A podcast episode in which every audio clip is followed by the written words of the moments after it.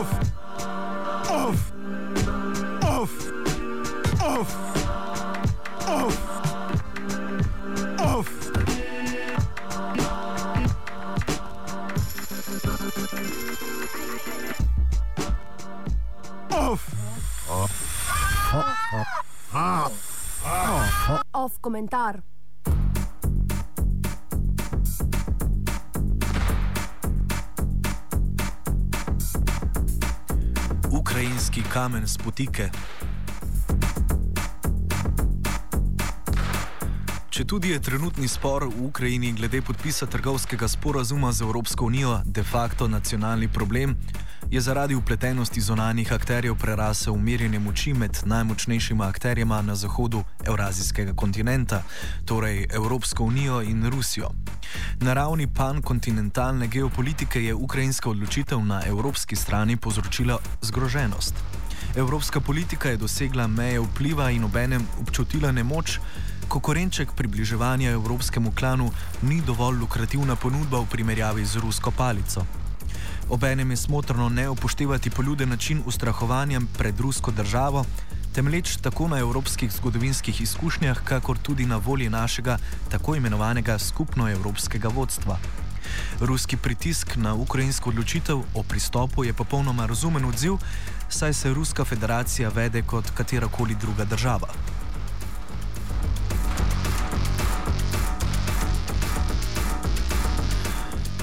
Ukrajina prevedeno pomeni mejna pokrajina, kar nekako nakazuje na zgodovinsko umeščenost Ukrajine med Rusijo, Polsko, predvsem pa mejitev na predele bivšega Avstro-Ogrskega imperija.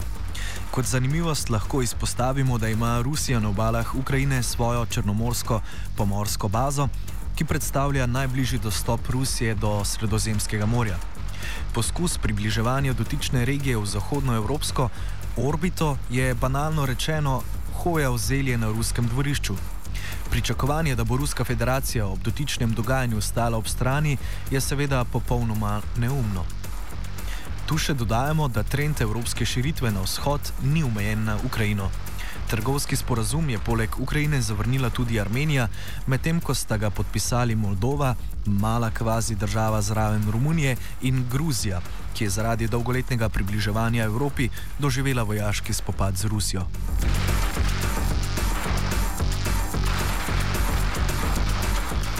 Če tudi je trend evropske ekspanzije na vzhod širši, pa ukrajinske države odražajo njeno notranjo razcepljenost.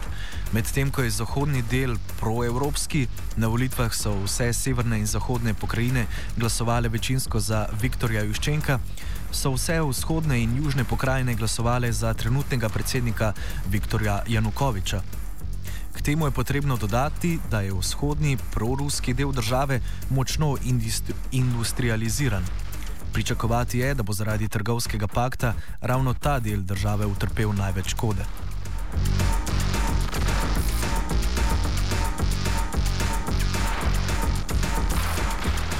Evropa je v trgovskem sporazumu ponudila eno milijardo sredstev za izničenje negativnih posledic na ekonomijo, vendar je ta korenček za Ukrajino premajhen. Ukrajina mora namreč do julija 2015 povrniti 60 milijard zunanjega dolga, kar je tretjina letnega bruto domačega proizvoda. Prav tako dolguje 2 milijardi ruskemu Gazpromu za plin. Plačilo je odloženo do naslednje pomladi, kljub temu pa je močan vzvod pritiska ruske strani.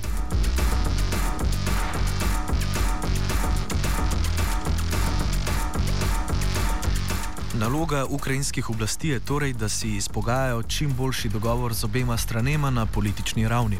Problem slednje ravni pa je dejstvo, da so regionalne elite, kar smo nakazali že z rezultati volitev, popolnoma ločene.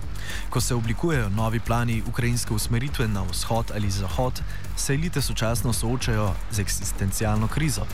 Del, ki bo izgubil zunanjo usmeritev, bo močno oslabljen tudi na notranje političnem nivoju. Posledično nobena stran ne želi popustiti, medtem ko se vedno bolj agresivno polarizira državljane, kar seveda odpira nove nevarnosti.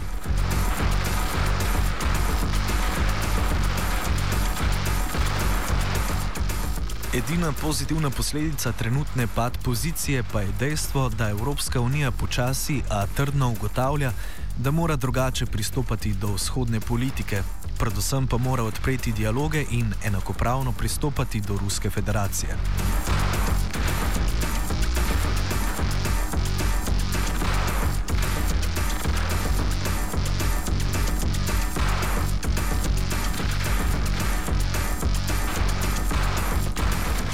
Komentiral je Kožuh.